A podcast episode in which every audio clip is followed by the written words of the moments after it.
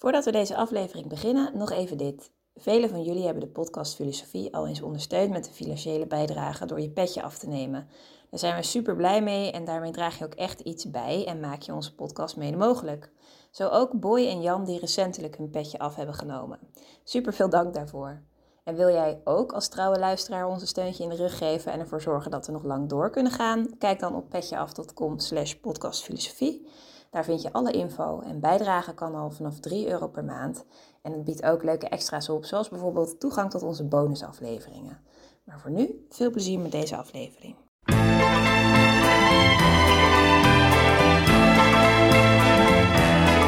Vers les où le poids et l'ennui me le dos.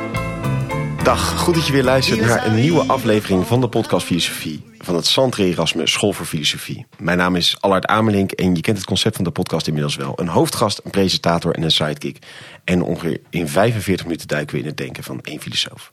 En tegenover mij Jozef Vaanders vanavond. Hey Allard, wat, wat, wat, wat klinkt je stem uh, ja, precies. schoor. Gisteravond was ik op een andere hele intellectueel verheffende plaats, namelijk in de Kuip. Waar Feyenoord de volgende ronde van de Europa Precies, League uh, dus mijn schreeuw heeft absoluut een bijdrage geleverd. Dus eh, als jullie, hopelijk vergeef je me mijn eh, wat eh, brakke stemgeluid inderdaad.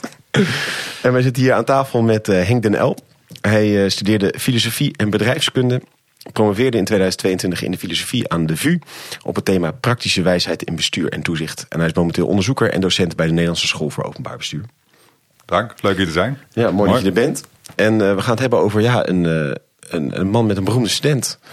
Ja, want uh, dat is dus nog heel even een raadseltje dan voor de luisteraars. Want waarschijnlijk binnen 30 seconden gaan we de, het antwoord Nou verklappen. ja, je hebt helemaal het begin van de aflevering al gehoord toen we zeiden Oh dat het over nou ja, jullie hebben. het maar dat, dan is inderdaad het leuke weetje over deze denker... dat de huidige president van Frankrijk ooit zijn studentassistent was. Ja, precies. Ja, en zelfs ook wel geïnspireerd is door. Ja, dus dat je misschien in de politiek van Macron zelfs sporen van Ricoeur kan ontdekken. Het schijnt dat Macron heel vaak zegt, tegelijkertijd is het zo dat...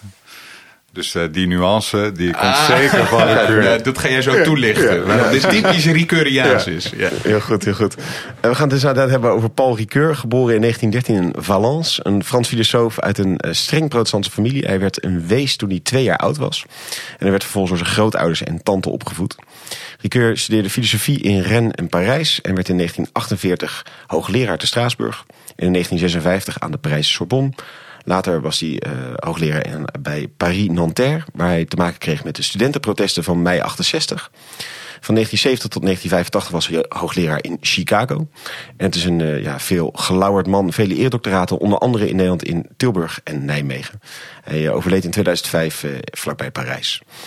En... Um, ja, ik, ik bedacht me even, volgens, het is helemaal niet een belangrijk onderdeel van zijn biografie, maar volgens mij ook wel een leuke anekdote. Hij kreeg bij de studentenprotesten in Parijs ooit, geloof ik, een vuilnisbak uh, over zich heen, toch? Weet jij dat, Henk, of niet? Van, nee, van nou, ik weet een wel van die dat voormannen hij, uh, van die 68-beweging. Dat hij dan, er is een foto van hem, dat hij dan uh, voor een schoolbord zit en er staat op, er staat, op dat schoolbord staat heel groot zoiets als Ricoeur is een kneus. Zoiets. Ja, daar staat hij dan voor. Ja, dan voor, ja. Nee, hij, hij is ja. volgens mij ook wel behoorlijk aangepakt door de 68-beweging. Ja, terwijl hij eigenlijk heel amabel en sympathiek naar die beweging stond. Ja. Dus dit was echt eigenlijk ja, maar tegenwoordig het instituut, hè.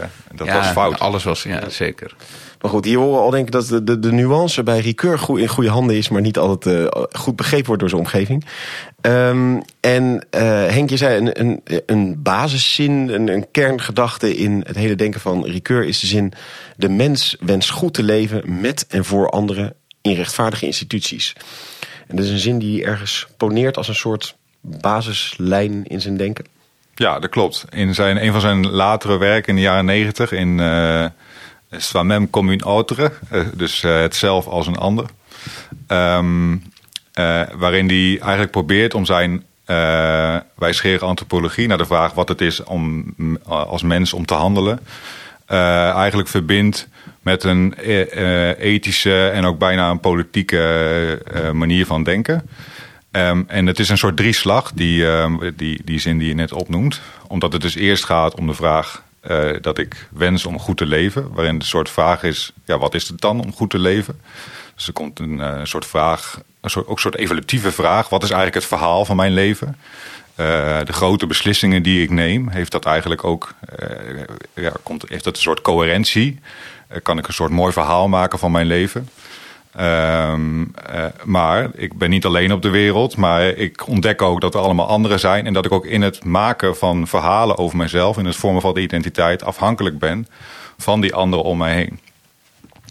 En dan vervolgens kom ik er ook nog achter dat ik niet alleen maar mensen heb die tegenover me zitten, zoals jullie nu eh, tegenover mij zitten. Mensen die ik kan aanraken en uh, waar ik bezorgd over kan zijn om in hun, in, hun, in hun geluk of in, juist in hun lijden. Uh, maar dat er ook mensen zijn die ik helemaal niet tegenkom, maar die toch onderdeel zijn van mijn leven, omdat we onderdeel uit zijn, uitmaken van dezelfde samenleving. En dan komt er dus ook een soort vraag naar rechtvaardigheid op. Voorbij nog de vraag naar bezorgdheid of zorg voor die ja. onmiddellijke ander. En die drieslag, dus zelf, ander, instituties, dat vormt dan eigenlijk een soort basis in, uh, in zijn denken. En zullen ze uh, anders op die manier langslopen na die eerste vraag van ja, de, de mens wenst goed te leven. Uh, eigenlijk komt het dan in eerste instantie vooral ook neer op de vraag van wie is diegene die dat goede leven wil leven? Ja, dat klopt. Dus de, de, blijkbaar is het zo dat de mens in staat is om, om te praten, om te handelen. En dus ook om zich af te vragen, ja, wie is het eigenlijk die spreekt? Wie is het die dat verhaal over zichzelf maakt? Dus ik krijg onmiddellijk, gaat die vraag naar het ik niet over een, uh, uh, een ik wat maar één ding is, maar eigenlijk een ik wat twee dingen is. Namelijk ik die met mezelf kan praten. Hm. Dus in het, in het ik zit een soort ja, gesprek, een soort reflexiviteit noemt hij dat Monoloog dan. interieur. Ja, nou misschien wel. Hè. Dus, uh, uh, dus bijvoorbeeld Nietzsche, die heeft het bijvoorbeeld over, niet over een individu, maar over een individu. He, dus uh, ja, dus, je, dus er zit een soort split in mezelf, waardoor ik met mezelf in gesprek kan zijn. Um, en waardoor ik dus ook uh, kritisch op mezelf kan zijn in het ontwikkelen van identiteit. Um, en, en hij zegt dus, Ricoeur, dat die, dat idee van jezelf een verhaal kunnen construeren over je leven, dat dat een uiting is van je autonomie als mens. Hm. Nou, dat je de autonomie jezelf de wet stellen, een Kantiaans idee. Um, namelijk het feit dat je in staat bent om verantwoordelijkheid te nemen voor de wijze waarop je je leven leeft. Daarmee is als het ware de mogelijkheid gegeven om jezelf de wet te stellen. En uh, die ook onmiddellijk op allerlei manieren weer ingeperkt is. Doordat je bent ingebed in relaties met de ander en in bepaalde samenlevingen. Ook in een bepaalde tijd in historie. Dus die autonomie is helemaal niet een soort uh, absoluut of onbeperkt. Integendeel zelfs, want de mens is tegelijkertijd uh, autonoom, maar ook feilbaar. Um, dus hij probeert eigenlijk steeds daarin een soort middenweg te, te zoeken. Eigenlijk is dat in de algemene zin. Uh, dat is de samenvatting van, van nou ja, Is er ergens een midden die je kan ja. vinden? Nou, dan uh, ga ik daar. Nou, dankjewel Henk voor deze podcast zitten. over Ricoeur. Ja. Ja. Volgende week zijn we bij je terug. Maar je zegt dat heel goed. Die, die, die uh, autonomie is dat eigen verhaal kunnen verder. Wat is dat eigen verhaal? Dat is eigenlijk hoe je je identiteit construeert. Van ja, ik ben zo iemand die, zeg maar. Of zoiets. Dat je zo een verhaal. Ja, dus van... ja, hij zegt dan. Maakt een onderscheid tussen. Uh, er zijn eigenlijk twee polen van je identiteit. En dat is de, de idem-pol, moet u dat, en de ipsi, ipse-pol. En de idem-pol, dat is eigenlijk, uh, zou je kunnen vertalen als hetzelfde. Dus ik ben in, zeg maar, in biologische zin nog steeds hetzelfde als uh, de, Henk die werd geboren uh, 35 jaar geleden. Um, en, dus, en mijn, voet, mijn vingerafdruk bijvoorbeeld is nog steeds hetzelfde. Dus dat zijn een soort uh, zaken waarin ik... Onveranderlijk. Die constant in de die, tijd Ja, waarin ik ja. herkenbaar ben als Henk. Ja. Maar er is ook een ipse-factor van, die, uh, van dat zelf. Namelijk dat ik wel herkenbaar blijf als Henk... terwijl er toch allerlei dingen veranderd zijn. Uh, in mijn leven, maar ook in de tijd en de omgeving waarin ik leef. Uh, en dan is dus eigenlijk de, de vraag... Uh, is het mogelijk, in hoeverre is het mogelijk om zelf te blijven, ondanks dat er dingen veranderen? Dus bijvoorbeeld, uh, neem bijvoorbeeld iets wonderlijks als het beloven van trouw. Uh, als je gaat trouwen, dan zeg je eigenlijk van ik beloof trouw. en dan komen al die mooie woorden van in ziekte en, en geluk en zo. Ondanks dat ik weet dat er van alles gaat veranderen, vertrouw ik erop dat hij deze belofte kan waarmaken. Ja. En eh, dat is dus zeg maar, een soort, eh, en hij noemt dat dus is eigenlijk een soort eh, constantheid ondanks verandering. Ehm, en dat is een heel belangrijk onderdeel van de, van, die, ehm, van de mogelijkheid tot identiteit. Dus het kan niet alleen maar zo zijn dat, dat, eh, dat het gaat over dingen die nou eenmaal altijd hetzelfde zijn. Maar het gaat juist over constantheid in verandering. En dus ook dat de mens daartoe in staat is om zijn beloftes waar te maken. Ook al doet hij dat op allerlei manieren ook vaak niet. Waardoor het dus ook nodig is om, die, eh, ja, om een beetje argwanend te zijn ten opzichte van menselijke beloftes. Ehm, maar die mogelijkheid is daarvoor heel belangrijk voor, die, voor het kunnen vormen van de identiteit. Omdat, zegt Ricoeur, eigenlijk coherentie tussen wat je, wat je verhaal is... of waarvoor je denkt dat je zou moeten leven... de overtuiging die je hebt, waarom je, waarom je hier bent op aarde... moet op de een of andere manier eh, wel een beetje samenhangen... met de grote keuzes die je maakt in het leven... Dus er zit dan een soort, ja, en dat is misschien een beetje eh, en hij is ook een protestant, dus het klinkt natuurlijk een beetje protestants. Maar je moet, eh, ja, er moet een soort coherentie zijn tussen, eh, tussen de verschillende eh, verhaallijnen in je leven. Ja. Ja. En eh, als je dan zegt nou, van eh, de, de autonomie is dat je je eigen verhaal kan maken of vertellen over je leven. Wat is de invloed van die omgeving? Je zegt, eh, hij spreekt altijd met twee woorden, zeg maar, Ricoeur. Ja. Dus de- die is er ook inderdaad. Die, eh, welke plek nemen die mensen in? Zijn dat eh, anderen waar je je tegen afzet, waardoor je zelf een profiel krijgt? Zijn dat mensen die juist je verhaal mede vormgeven? Hoe, hoe, welke plek nemen zij in? Ja, nou die nemen eigenlijk een, van meet af aan een hele belangrijke plek in. Want het is eigenlijk onmogelijk. Dus we zijn nu eigenlijk in dat tweede stapje hè, van met en voor anderen. ja. Omdat het zit dus eigenlijk vast aan, die, eh, aan die eerste. Omdat je, want hij is, eh, zit in de traditie van eh, fenomenologische hermeneutiek.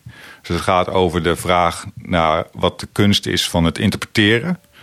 Eh, en dus het interpreteren van jezelf. want Dat is eigenlijk dus verhalen vertellen over jezelf. Is een vorm van interpretatie van jezelf.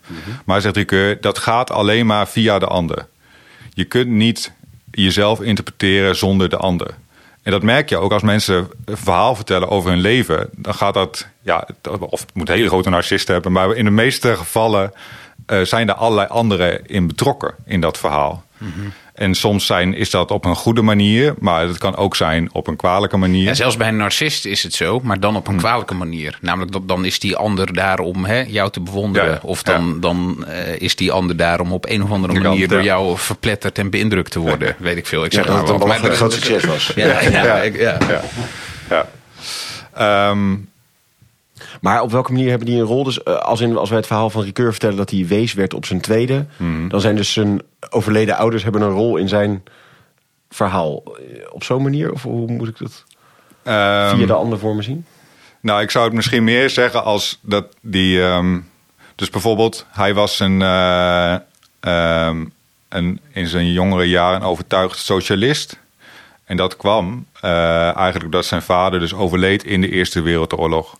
En hij was dus ook eh, een groot voorstander van, eh, zeg maar, eh, hij was echt een pacifist. Doordat, hij dat, doordat zijn vader Gesneuveld was, ja. gesneuveld was. En hij had dus bijvoorbeeld ook ehm, ehm, bijgedragen aan het politieke vertoog in de jaren 30 om het Franse leger eigenlijk een beetje te ontwapenen. Hè, dat kwam voort uit het socialistische vertoog uit die tijd. En toen, en toen vervolgens werd hij zeg maar, in 1939 opgeroepen om te dienen in het Franse leger. En toen waren er geen geweren En toen meer. waren er geen geweren. Ja, toen dacht hij, oh, dit is eigenlijk was echt een heel slecht idee. ja. Dus hij werd daar als het ware... Dus je ziet daar dat verhaal, dus dat komt dus bij zijn vader vandaan. Ja. En daar heeft hij een overtuiging ontwikkeld. eh, Vanuit dus identiteit, maar, ja, maar ook eh, wat zowel gaat over de ander als zijn vader... maar ook over de samenleving, dus ook over de vraag van rechtvaardigheid. En vervolgens ja, merk, komt hij eigenlijk erop terug. Dus hij is in staat eh, om zijn verhaal te veranderen. En, en, en, en, en bijvoorbeeld door die gebeurtenis bijvoorbeeld... is hij altijd eh, sindsdien ook heel terughoudend geweest... eh, in politiek engagement om een bepaalde kant te kiezen. Omdat hij bang was weer de verkeerde kant te kiezen. Maar en, en dan eh, die autonomie van dat je je eigen verhaal vertellen en deze omstandigheden. Nu lijkt de, de eh, balans dan sterk door te slaan naar die niet-autonome kant. Namelijk van ja, eh, je, je hebt toevallige vader die sneuvelt Ja. in de oorlog. En toevallig zit je in wel socialistische hoek. En toevallig word je dan op een gegeven moment Ja. wel voor het leger opgeroepen. Nee, dus het gaat dus ook altijd, dus daarom gaat het ook over, hij noemt het dan het vrijwillige en het onvrijwillige. Eh, en het gaat altijd, en ook hierin zoekt hij dus weer het midden. Dat zijn altijd twee polen waarin je er tussen moet Ja. bewegen. Dus die, er zijn allerlei omstandigheden die, waarin je als het ware wordt geboren of geworpen, zoals eh, Heidegger dat dan zegt. Eh, en, maar die bepalen nooit volledig. Die moet jij op je nemen en vormen. En Ja, maar die, maken ook, ja, maar die maken ook eigenlijk het mogelijk dat je autonoom kunt zijn, omdat dat hem ook de mogelijkheid geeft om verhalen te vertellen over jezelf. Ehm, Maar de autonome sprong zit hem dan in dat narratieve element. Dus Tussen die de... gespletenheid van je persoon eigenlijk. Dus dat je reflecteert op je eigen positie. ja, Ja. klopt. Want, de, want dus, dan- ook al zijn er allerlei omstandigheden, er is nog steeds de vraag: wie is het die dat verhaal vertelt? En wie is het die spreekt? En wie is het die handelt? Ja. Ja. Dat verdwijnt gewoon niet. En, eh, en eh, dat wil hij dus overeind houden. Zonder in een soort eh, extreme autonomiepositie terecht, terecht, geko- terecht te komen. Waarin je helemaal baas bent eh, over je eigen leven. Ja. En dat, dit is inderdaad een beetje eh, van het, de mens wenst goed te leven. Eh, dit is meer een beetje misschien de met andere versie. Is dat voor anderen klinkt ook als iets van het goede doen voor anderen? Ja, Zit dat er ook zeker. Ja. Ehm, hij noemt dat bezorgdheid. En, het heeft eigenlijk, en dat heeft ook te maken met dus die relatie tussen het ik en de ander. Want het is duidelijk dat, die, dat de mens die wil herkend worden. Ik wil erkend worden als mens. Eh, daarom ontwikkel ik een identiteit, vertel ik verhalen over mezelf, ontwikkel ik een narratieve identiteit. Maar op het moment dat ik ook maar een kleine poging doe om boven mezelf uit te stijgen en te denken van eh, boven mezelf te gaan hangen en, en ook een ander te zien vanuit een onpartijdige positie, dan ontdek ik ook dat die ander waarschijnlijk ook net zo goed een zelf is als dat ik een zelf ben. Die dus ook die, eh, no- die dus ook die noodzaak heeft om erkend te worden. Die ook een verhaal heeft over zijn leven. En dat is eigenlijk een soort. eh, eh, dus het feit dat ik dat kan bedenken, dat verplicht me ook onmiddellijk om zijn eigen waarde, als het ware, om bezorgd te zijn over zijn eigen waarde. En om eh, zijn lijden, wat voor Ricoeur een belangrijk thema is, het probleem van het lijden, om zijn lijden een plek te geven in mijn, eh, niet alleen in mijn identiteit, maar ook in mijn relatie tot de ander. Ja.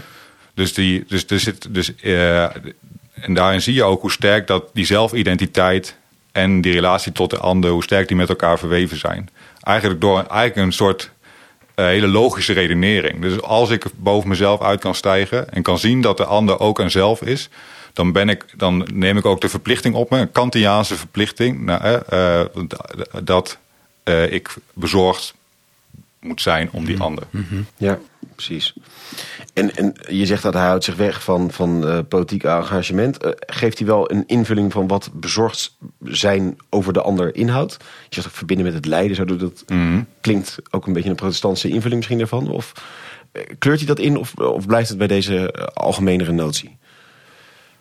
Ehm, nou ja, misschien zijn eigenlijk dus er hangt er vanaf of je dat als een precies als een politieke vraag of als een meer als een meer relationele vraag bedoelt, want daarin zit ook weer die derde slag namelijk hè, van die rechtvaardige instituties. Maar de, ehm, in eerste instantie gaat het dus gewoon om eh, mijn relatie tot de ander met wie ik bevriend ben of met wie ik als familie verbonden ben of als kennis of als iemand die lid is van dezelfde vereniging waar ik lid van ben of dezelfde gemeenschap waar ik onderdeel van uitmaak. En dan is die bezorgdheid eh, dus eigenlijk ehm, eh, ja, eh, gewoon een vorm van liefde. Hè, De mogelijkheid om voor die ander, er, er voor die ander te zijn. Ja. Dus verder daar zonder heel concreet van te worden, maar eigenlijk de mogelijkheid om lief te hebben en om die ander te laten bloeien in zijn eigen, in zijn eigen waarde. Ja, en dat klinkt heel moralistisch, maar het is eigenlijk. Ehm, Maar ook bijvoorbeeld ja. eh, de- terugpakkend op die, eh, dat eigen verhaal vormen en die autonomie. Is het een oproep om dan eh, laat de ander vooral dat zelf goed het verhaal creëren en val hem niet te veel lastig met jouw beeld. Weet ik wel, zeg maar, zit daarin, pakt hij die slag daarheen ook terug? Van help de ander om goed een verhaal over zichzelf te kunnen vertellen? Of gaat het niet zo, wordt het niet zo concreet uitgewerkt? Nee, het wordt niet zo concreet uitgewerkt. Ik denk dat het meer eh, erom gaat. Want die, dus ondanks dat die ander ook een zelf is, is die ander ook anders. En is er dus sprake van andersheid. Hè? Dat is een- een- zo'n thema in die eh, Franse filosofie. van- Levinas vooral natuurlijk. Levinas. En daarin zit dus ook een soort eh, eh, de mogelijkheid van kritiek op mijn eh, narratieve identiteit, op mijn reflexiviteit. Hè. Tussen, in dat gesprek tussen ik en mijzelf kan de ander als het ware doorheen beuken. Ja. Eh, en, en, eh, en zeggen van ja, wat jij nu, nu over mij zegt, of wat jij nu over mij denkt, of het handelen wat jij nu doet, dat schaadt mij. En, eh, ehm, en terwijl je de plicht hebt om, je, om voor mij te zorgen. Ja, dus je kan die ander niet reduceren tot alleen ook een zelf. Nee, precies, helemaal Ja? niet. Nee, die, nee, dat klopt. De- Ja. En, en, de- maar ook niet tot alleen de ander. Dus er, er, er Nee, zit- niet tot er, dus bij Levinas is er een radicale fenomenologische breuk tussen de ik en de Ja, ander. Die Dus helemaal niet onoverbrugbare Onoverbrugbaar. hè. Dus ik heb de ik, het ik heeft uiteindelijk niet de mogelijkheid om als het ware in die ontologie van die ander te komen. Ja, om de omdat ander het, omdat de ander ander te buiten kennen, de ja. ontologie valt bij Levinas. Ja. En ehm, eh, terwijl bij Ricoeur, die ja, vanwege die logische redenering van die onpartijdigheid, eh, kun je die ander ook herkennen als een zelf. Maar blijft het wel, anderzijds ook een ander, vanwege zijn autonomie. Dus hij zijn. zijn Juist omdat hij een zelf is, is hij ook een ander. is, precies. Ja. Ja. Ja. Ja. Ja. Ja, ook daarin spreekt hij dus weer met twee woorden. Klopt, Eh, ja. Ten opzichte van Levinas, die, die een harde kloof erin zet. Of anderzijds dat je zegt, ja, de ander, eh, gewoon allemaal losse subjecten die helemaal los van elkaar staan. En, en ja, Ja. Hij is gewoon een beetje middle of the road. ja of, of een, of een hele goede eh, synthese. Ja, weet niet. En dan eh, die derde vraag, want dan komen we wel bij die politieke slacht uit. Dan heb je inderdaad in eh, rechtvaardige instituties. De mens wenst goed te leven met en voor anderen in rechtvaardige instituties. Ja. En dat is echt een deel van zijn politieke filosofie dan. Klopt. Ja, en eh, die heeft hij pas eigenlijk veel later eh, in, zijn in zijn laatste fase van zijn leven uitgewerkt. Het gaat vooral over de vraag dus naar rechtvaardigheid. Ehm, wat dat is eh, en hoe we daartoe komen. Ehm, en ehm, hij zegt dus, hij zegt de, die bezorgdheid die ik heb voor de ander, dat is heel mooi. Maar er zijn ook allerlei mensen om me heen met wie ik niet zo'n gezicht tot gezicht Ja. verband, Zo'n verbinding heb. Levensiaans appelverbinding, zeg maar. Waar je Klopt, ja, alleen maar die- direct... Ja, er, is ja. Ook nog, er zijn ook allerlei mensen eh, op afstand. Ja. eh, In maatschappelijk verband. in maatschappelijk verband. Die ook een zelf zijn. Eh, en waar we op de een of andere manier mee moeten samenleven. Ja, en die kom ik niet gewond op straat tegen. Nee. Die een appel op me doet. Maar ik weet Nee. gewoon dat hij ergens aan de andere Misschien is kant het wel van leuk het om een land... verhaal. Hij heeft een heel mooi eh, eh, essay Over de Sam- Samaritaan. over de barmhartige Ah, ja. Samaritaan. Misschien is het wel leuk om dat kort even te Ja. vertellen. Want het is Eh, wel de- veelzeggend, denk ik, ja. Dus, eh, ehm, en het is met een beetje met een twist, om het een beetje smeuig te maken hoor. Maar ehm, dus die, eh, ehm, het gaat, hij begint dat essay met eh, de stelling, er bestaat geen sociologie van de naaste. En waarmee die wil zeggen dat eh, de sociologie, die zeg maar bestaat bij de gratie van categoriseringen, eh, dat die niet bestaat op het niveau van de bezorgdheid. Omdat dat namelijk gaat over niet van de ander is mijn naaste, maar zegt hij, ik maak mijzelf de ander mijn naaste. Dat is een activiteit waarin de ander een appel doet waarop je wel of niet beantwoordt. En dus dat is een, soort, een ander soort gebeuren dan eh, sociologie. En dan gebruikt hij dus het verhaal van de barmhartige Samaritaan. En dan, dus de barmhartige Samaritaan, de parabel van Jezus. eh, die dan eh, zegt dat er eh, loopt een, eh, een man van Jericho naar Jeruzalem. Of andersom, dat weet, ik eigenlijk, dat weet ik eigenlijk niet. Maar hij wordt overvallen door struikrovers en neergeslagen. Wordt beroofd en hij ligt zeg maar, in de greppel. eh, daar te liggen, een ehm, gewond. Ehm, en dan komt er dus in eerste instantie een priester eh, langs. Ehm, en die loopt met een grote boog eh, om deze man heen, heen. ja. Ehm, en, en een priester is dus ja, een dienaar van de, eh, van de tempel van eh, de Joodse God. Ja. En wat op een bepaalde manier is, is ook, ja, die institutie staat symbool voor zeg maar, de naaste liefde. Ja, maar En nu dus- even niet. Maar nu even niet. Ja. Eh, hetzelfde geldt voor de leviet, wat eigenlijk een soort ja, hulpje is van die priester, maar op zekere zin in praktische zin misschien nog wel dichter bij die naaste liefde staat dan, eh, eh, dan die priester. Maar ook die gaat boog ook die gaat er met een boog omheen. En vervolgens ehm, eh, komt er dus een Samaritaan. En wat voor die Joden de soort de ultieme ander is. Dus de totaal verstoten. Vijandig bijna. Vijandig, ja. De Ja. totaal verstoten. Hè. Dus dat was de Samari- Samaria dat lag tussen zeg maar, het noorden en het zuiden van eh, Israël in. Ja. En als er een Israëliet van noord naar zuid reisde, dan ging hij liever met een grote boog Om Samaria heen. dan dat hij doorheen moest. Eh, hij En deze gewoon- man komt hem en tegen, deze man bloedend komt op hem straat. tegen. En die bedenkt dus van, eh, die, is dus, die heeft dus bezo- bezorgdheid. Ja, dit is mijn naaste. Dit is mijn naaste. Terwijl dat, Ja, dat is echt die tweede categorie eigenlijk. Nou, Klopt, Van, ja. Iemand komt in je leven, dan is het echt Ja. een ander die... eh, Ja. Nou ja, die neemt die man op zijn ezel en die brengt hem naar een herberg. En dan, eh, Maar goed, Ricoeur zegt, dat is, het gaat, dit verhaal gaat helemaal niet in eerste instantie eh, over, die, over het gebod van Jezus. Die dan zegt, ga dan en doe dan als deze Samaritaan. Hè? Dus die Samaritaan is mijn naaste. Maar er zit ook een, een, een rechtvaardigheidsaspect, een institutioneel aspect aan dit verhaal. Namelijk dat die priester en die leviet zo opgeslokt zijn in hun institutie, die hoewel eh, die instituties zeg maar rechtvaardigheid, of het goede zeg maar, met hun oog hebben, dat die, eh, dat hij zegt dan, Ricoeur zegt dan, die institutie die sluit eh, de ogen voor de gebeurtenis. En die Voor- sluit deze voor- mensen ook op op een bepaalde manier. Klopt. Waardoor ze niet echt Ja. open kunnen staan. Plus dat het ook nog zo kan zijn, kijk, dit is één, eh, één deze Samaritaan helpt één man. Ja. Maar stel nou dat het zeg maar dat, ja, dat die dat die weg Week in, helemaal uit, bezaaid ja, ligt ja. met allemaal beroofde mensen. En ja, op enig moment eh, kom je dan eigenlijk niet zo ver met die bezorgdheid. Dan ontstaat er ook een vraag naar rechtvaardigheid. En dan eh, is het eigenlijk niet zozeer een taak van die Samaritaan om iemand op zijn ezel te nemen.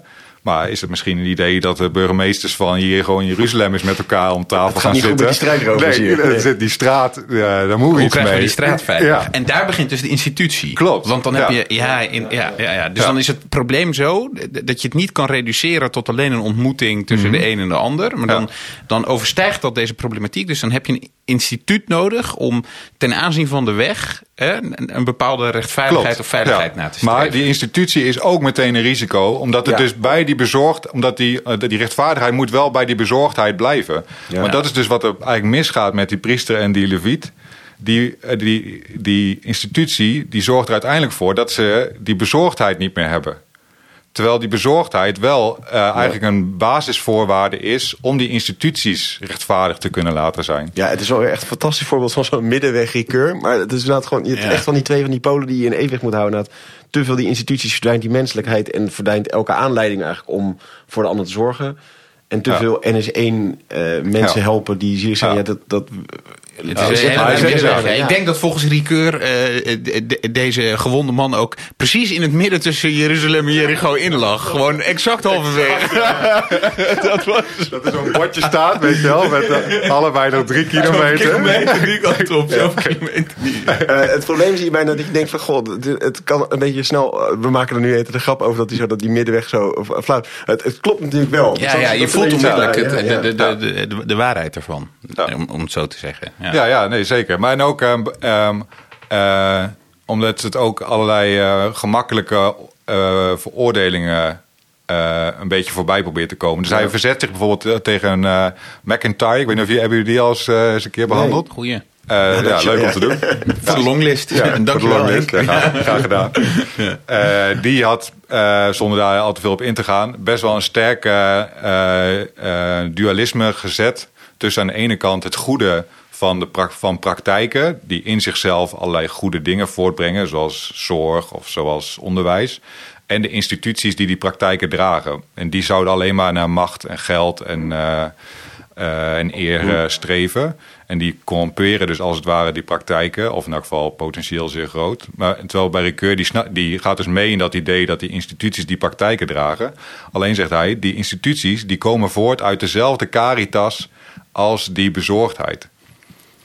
En eh, dus daar is geen, eh, geen vanzelfsprekende tegenstelling tussen, eh, tussen de één op één zorg en de instituties waarin dat in rechtvaardige termen wordt gedragen. Maar ze in, hebben wel allebei een intrinsiek risico in zich.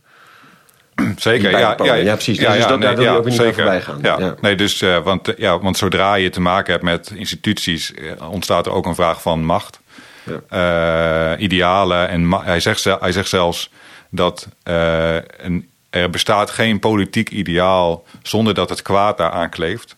Omdat politieke idealen altijd met macht gevestigd moeten worden. En werkte die institutiekant in, eh, verder uit? Want dit, dit is op zich heel goed dat snijvlak tussen dat met en voor anderen en de rechtvaardige institutie, zeg maar. Eh, Mhm. ge- geeft hij nou dan daar handvatten voor van hoe je dat goed daar de balans in kan weten te houden? Ehm, nou ja, hij, hij, ehm, eh, nou, het blijft allemaal redelijk abstract in zijn eh, filosofie. Maar wat ik zelf ehm, eh, wel heel mooi vind, is hoe hij hoe, bijvoorbeeld nadenkt over de vraag tussen rechtmatigheid en rechtvaardigheid. Dus ehm, eh, heel snel kun je, heb je de neiging om zodra je in een institutie zit, bijvoorbeeld bij een staat, dat er allerlei wetten zijn en dan moeten die wetten worden nageleefd. Maar zegt Ricoeur, eigenlijk in navolging van Aristoteles, wetten zijn eigenlijk vaak te algemeen eh, om individuele situaties goed te kunnen beoordelen. Dus zegt hij, hoewel normen in, eh, in Kantiaanse zin en ook in, alle, in allerlei uitvloeisels die daaruit komen nodig zijn voor de, voor de menselijke institutie van rechtvaardigheid, is de uiteindelijke vraag naar wat dan uiteindelijk echt rechtvaardig is in die werkelijke wereld, in die praktijk, is de toepassing van wat hij dan praktische wijsheid noemt. Dus wat hij dan van Aristoteles leent. Namelijk het toepassen van een regel in een concrete situatie. Wat ertoe kan leiden dat je af moet wijken van die regel. Ja. Omdat die situatie dat vraagt. En, ehm, en ik denk dat dat eh, in algemene zin ook voor onze huidige politieke vragen waar we in zitten. Eh, een hele belangrijke soort verruiming is van die rechtmatigheidsvraag.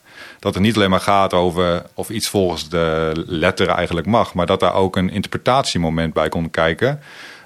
Die niet alleen maar vraagt om rechtvaardigheid eh, in soort abstracte zin, maar ook om die bezorgdheidsvraag. Ja, precies. Dat daar ook weer naar die instituties inderdaad een uitvloeisel blijven van die barmhartigheid in plaats van een... Ja, dus hoe kunnen instituties nou eigenlijk rekenschap geven aan tegelijkertijd het algemene en het individuele? En dat is de grote, de grote vraag. Ja, en zich soort voortdurend blijven herinneren wat ook hun eigen oorsprong is. Dus wat ze eigenlijk eh, beogen. Hè? En d- dat zit hem ergens denk ik in die individuele Ja. of die zorgende kant. Hè? En, en tegelijkertijd eh, proberen die, die slag te maken naar die, die, die, die tussen aanhalingstekens abstractere rechtvaardigheid. Ja. Ja. En als we nu even wat uitzoomen ten aanzien van het hele werk van, van Ricoeur. eh, allereerst misschien, ehm, we, we hebben nu een, die driedeling aangehouden van die ene zin. En dat is natuurlijk eh, gewoon een kapstok om, om Ja. eh, met elkaar in gesprek te gaan. Eh, wat waaruit bestaat zijn oeuvre verder zijn? Het, zijn allerlei, het, is een veelschrijver. Ja, enorm. Ja, welk deel overzien we nu een beetje wat we zo hebben besproken? Zeg maar? is, dat, is dat nog steeds een kleine uitsnede? Ja, nog wel- steeds wel een redelijk klein deel. En vooral een beetje dus een latere fase van zijn leven. Ehm, dus in het begin heeft hij heel erg veel gedaan met filosofie van de taal, filosofie van de wil, filosofie van het handelen. Eh, en als geschreven over ge- geheugen, over geschiedenis, eh, natuurlijk over, eh, over hermeneutiek en fenomenologie. Over Jaspers, ja, over ja, Jaspers. altijd even noemen. Even altijd noemen. even noemen. Lekker hoor. Ja. Vergeet die aflevering met Jozef vooral niet te luisteren. ja. Iets andere audio-kwaliteit is dat geloof ik, toch? Ja, ja, zeker. Dat is de allereerste. Ja. Mooi, ja. Ehm, ehm, maar ehm, eh, hij maakt ook wel wat, wat denksprongetjes in de loop van zijn tijd. Maar eigenlijk zou je kunnen zeggen dat, hij, dat een soort ehm, rode draad is steeds die vraag naar die wijsgerige antropologie. Dus wat betekent het nou om menselijk te handelen? En dat is wel een ro- dat is- iets dat steeds terugkomt. Ehm, maar in de, waar hij in het begin ehm, zich nog misschien wat drukker maakt over ehm, eh, of Husserl nou de juiste fenomenologie had te pakken en hoe die zich later moest die zich eh, eh, bijvoorbeeld strijden tegen de het tegen het structuralisme van de Saussure, omdat hij eigenlijk ook die symbolische taal moeilijk maakte. Dus hij, het is echt iemand, een denker die eigenlijk ehm, ook in geheel in lijn van zijn eigen denken alleen maar aan het reageren is eh, op alle eh, dominante filosofische stromingen van die tijd. En omdat zijn leven ook lang is en zijn oeuvre ook lang, is hij ook telkens weer op andere denkers aan het reageren. eh, in de loop van zijn leven. Daar is er toch een heel beroemd voorbeeld van. Dat, dat die, die meesters van het wantrouwen. Qua, Klopt, ja. Waarin hij precies dit doet. Ja, Maar, ja. ja. ja, dus de, de meesters van het wantrouwen is een mooi, eh, ook een heel mooi voorbeeld over hoe zijn denken werkt. Ehm, Ja, een, een term die we in meerdere afleveringen al wel hebben laten voorbij komen. Maar altijd is dat ooit ge- gemunt door Ricoeur. door, Ricoeur, inderdaad. En er zijn dan, eh, hij gebruikt dan eigenlijk drie voorbeelden. Dus dat zijn eh, Marx, Nietzsche en Freud. Alle drie de meesters van het wantrouwen zijn dus al in de podcast aan de orde geweest. Dus eh, goede reden om dat nog eens even terug te luisteren. een keer. Ja, goed. Nou, en eh, en eh, deze drie denkers, volgens Ricoeur, die eh, duwen als het ware de argwaan. Dus eh, dat is misschien een beter woord dan ehm, Wantrouwen. wantrouwen. De argwaan tot het extreme door. En voor Ricoeur is zeg maar de, ehm, de aanname voor zijn wijsgerige antropologie is dat de mens leeft bij gratie van symbolische taal. Dus zeg maar, dat is taal die ik niet alleen maar aan mezelf te danken heb, maar waarin ik, maar, maar omdat ik ben geworpen in een bepaalde traditie met bepaalde overtuigingen. En daar is allerlei taal aan verbonden die polysemisch is, die dus allerlei meerdere betekenissen heeft. En daarom is dus ook hermeneutiek nodig, interpretatie. Maar die symbolische taal, dat kan, zit ook, kan heel snel zitten in de sfeer van de religie of de ideologie, eh, of zelfs in de utopie. eh, maar ook in allerlei eh, eh, uitingen van eh, culturele vormen. En dan zijn die. Eh, en er zijn er denkers geweest in de geschiedenis van de filosofie. die zeg maar die symbolische taal sterk hebben bekritiseerd. tot aan het gewoon volstrekt ondermijnen ervan. En dus eh Ricoeur zegt dan: ze hebben het cogito, het ik, helemaal versplinterd.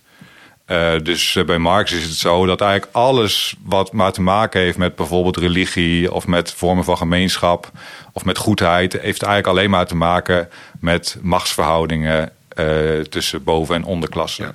Bij Nietzsche is het zo dat, die, dat het ik alleen maar, eh, dat die symbolische taal alleen maar dient als een machtsmiddel om eh, anderen te beheersen. Dus, hij, dus Nietzsche zei over de kerk of over het christendom van aan de ene kant genade en aan de andere kant zonde. Nou, dat is een perfect recept voor machtsuitoefening. Ja, wisselen ze tegen elkaar uit en je hebt eigenlijk niks. Maar ja, Ja.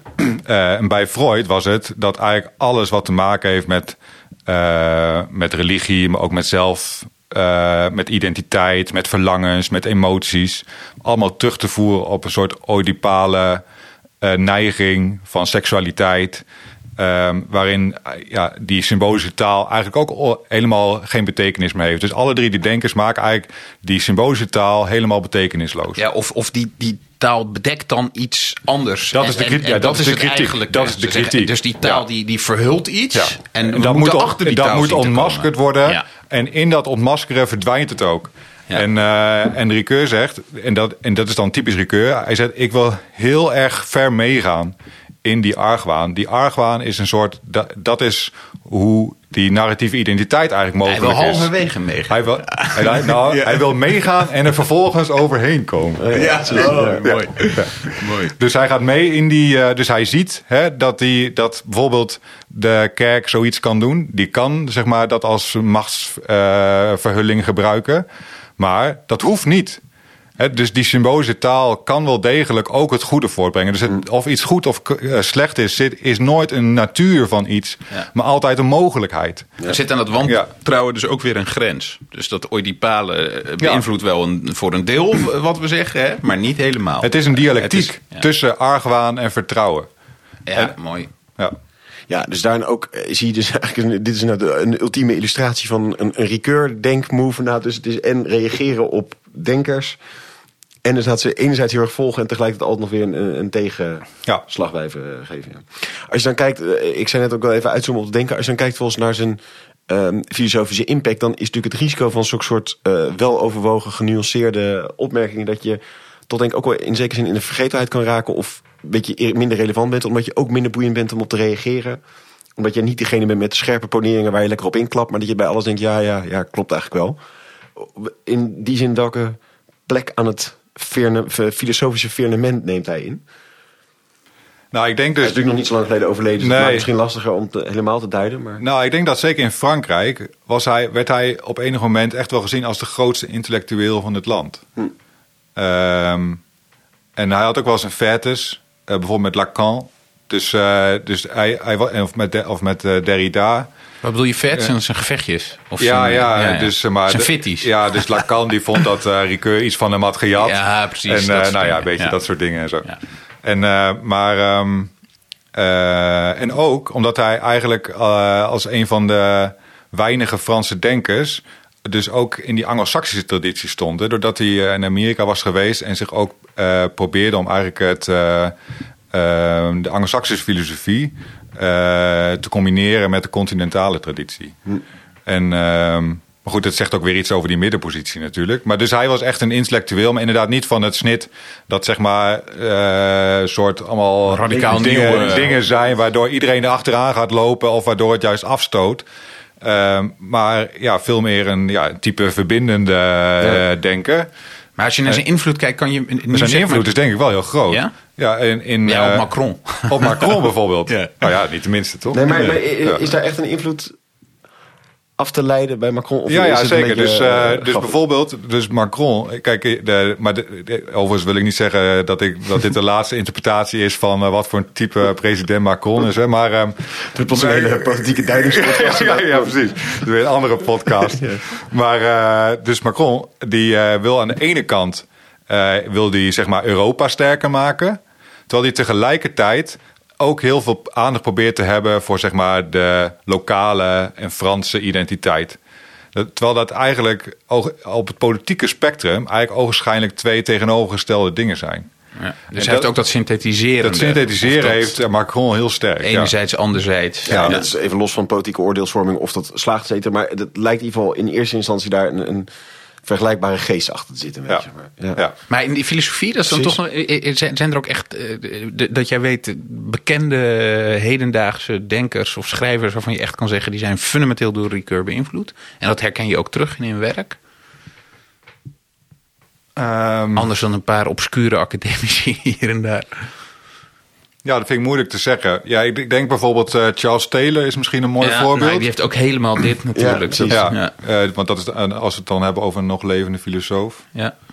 Ehm, Ja, de- waarin je heel Ja. erg dat, dat, dat, Dat herkent, dat ja, genuanceerde, ja. die tussenpositie. klopt, en ook, dat de, en ook de plek van de hermeneutiek en de rol van de taal. Ja, Ja. ja. Ehm, ja, dus daar, daar zie, die, hebben, die is wel sterk beïnvloed door Ricoeur. ja.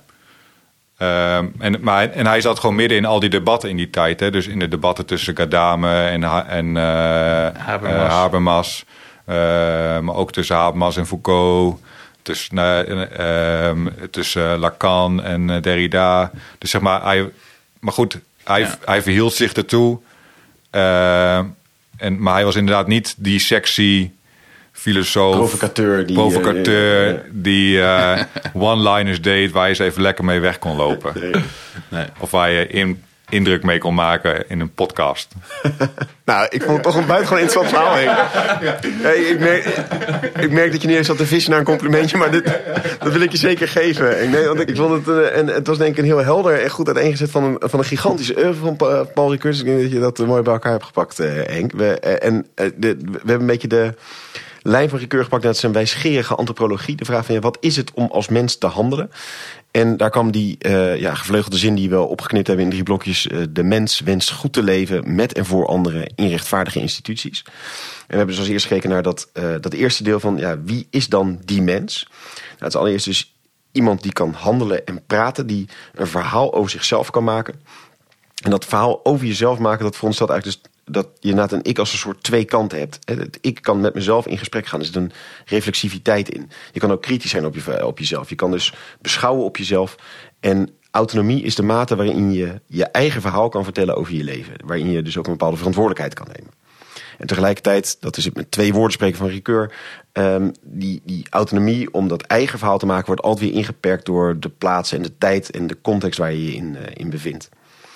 En eh, verder beschouwd op dat ik zie dat er eigenlijk twee polen in zitten. De idempol, dat hetgene wat altijd onveranderlijk is. Je biologie, je, je fingerprint, de, degene die de dingen die evident onveranderlijk zijn. En de ipsepol, die ja, de- enerzijds wel voor herkenbaarheid is. Er is een, een verandering tussen de, uh, in 33 jaar leven, maar toch verander je. En wat is nou precies die constante erin en wat is in die, daarin die verandering in? Iets wat je bij beloftes heel erg terugziet. Van ja, je weet dat je een belofte doet en je weet dat je vooral veranderen. En toch gaan we op een bepaalde mate van vertrouwen in op wat iemand daarin zegt. En anticipeer je op die verandering en neem je die daarin mee. Dat zijn die twee polen die in de, in de mens zijn zitten. En de coherentie tussen je verhaal en de keuze die je maakt is bij Recur een, een belangrijke ding. Vervolgens wordt het verhaal dus ja, zelf als een autonoom verhaal neergezet en tegelijk dus ook gevormd door je context en je mensen om je heen. Met en voor anderen, de tweede slag. Um, en dat interpreteren van jezelf gaat namelijk eigenlijk altijd via de ander.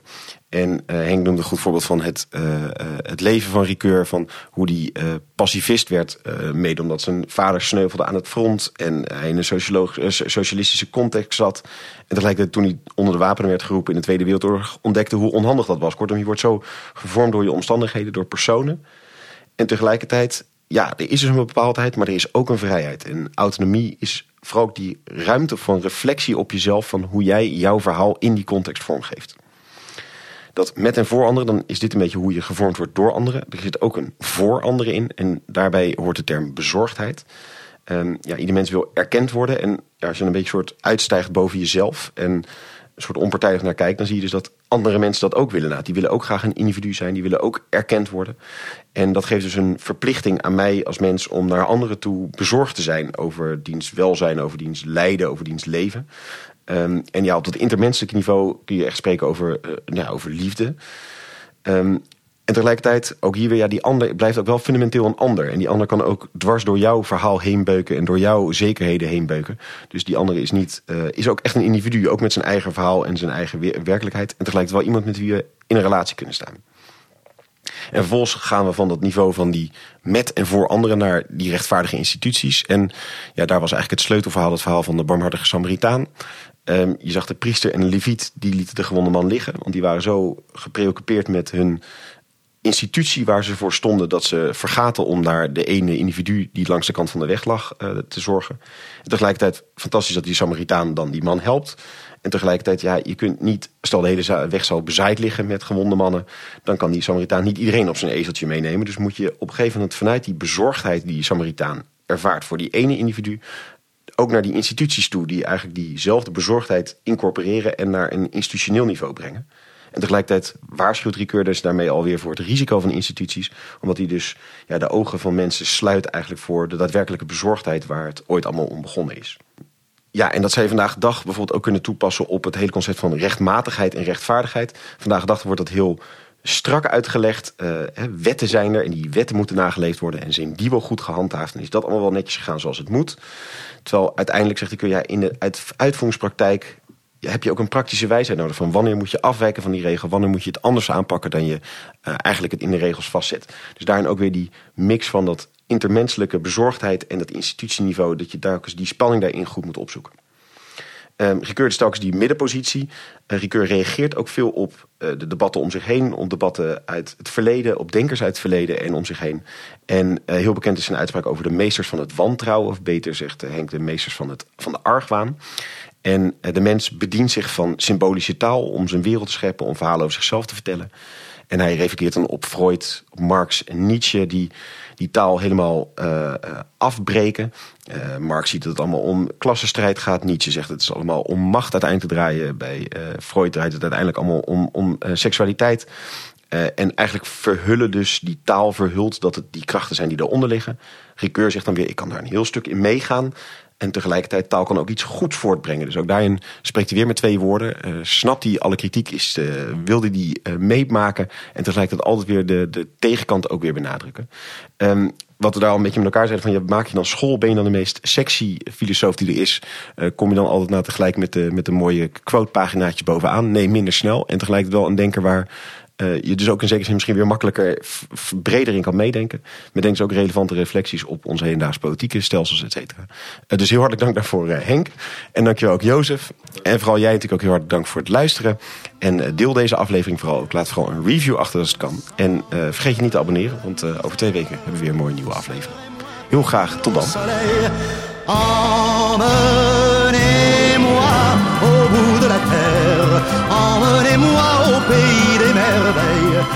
song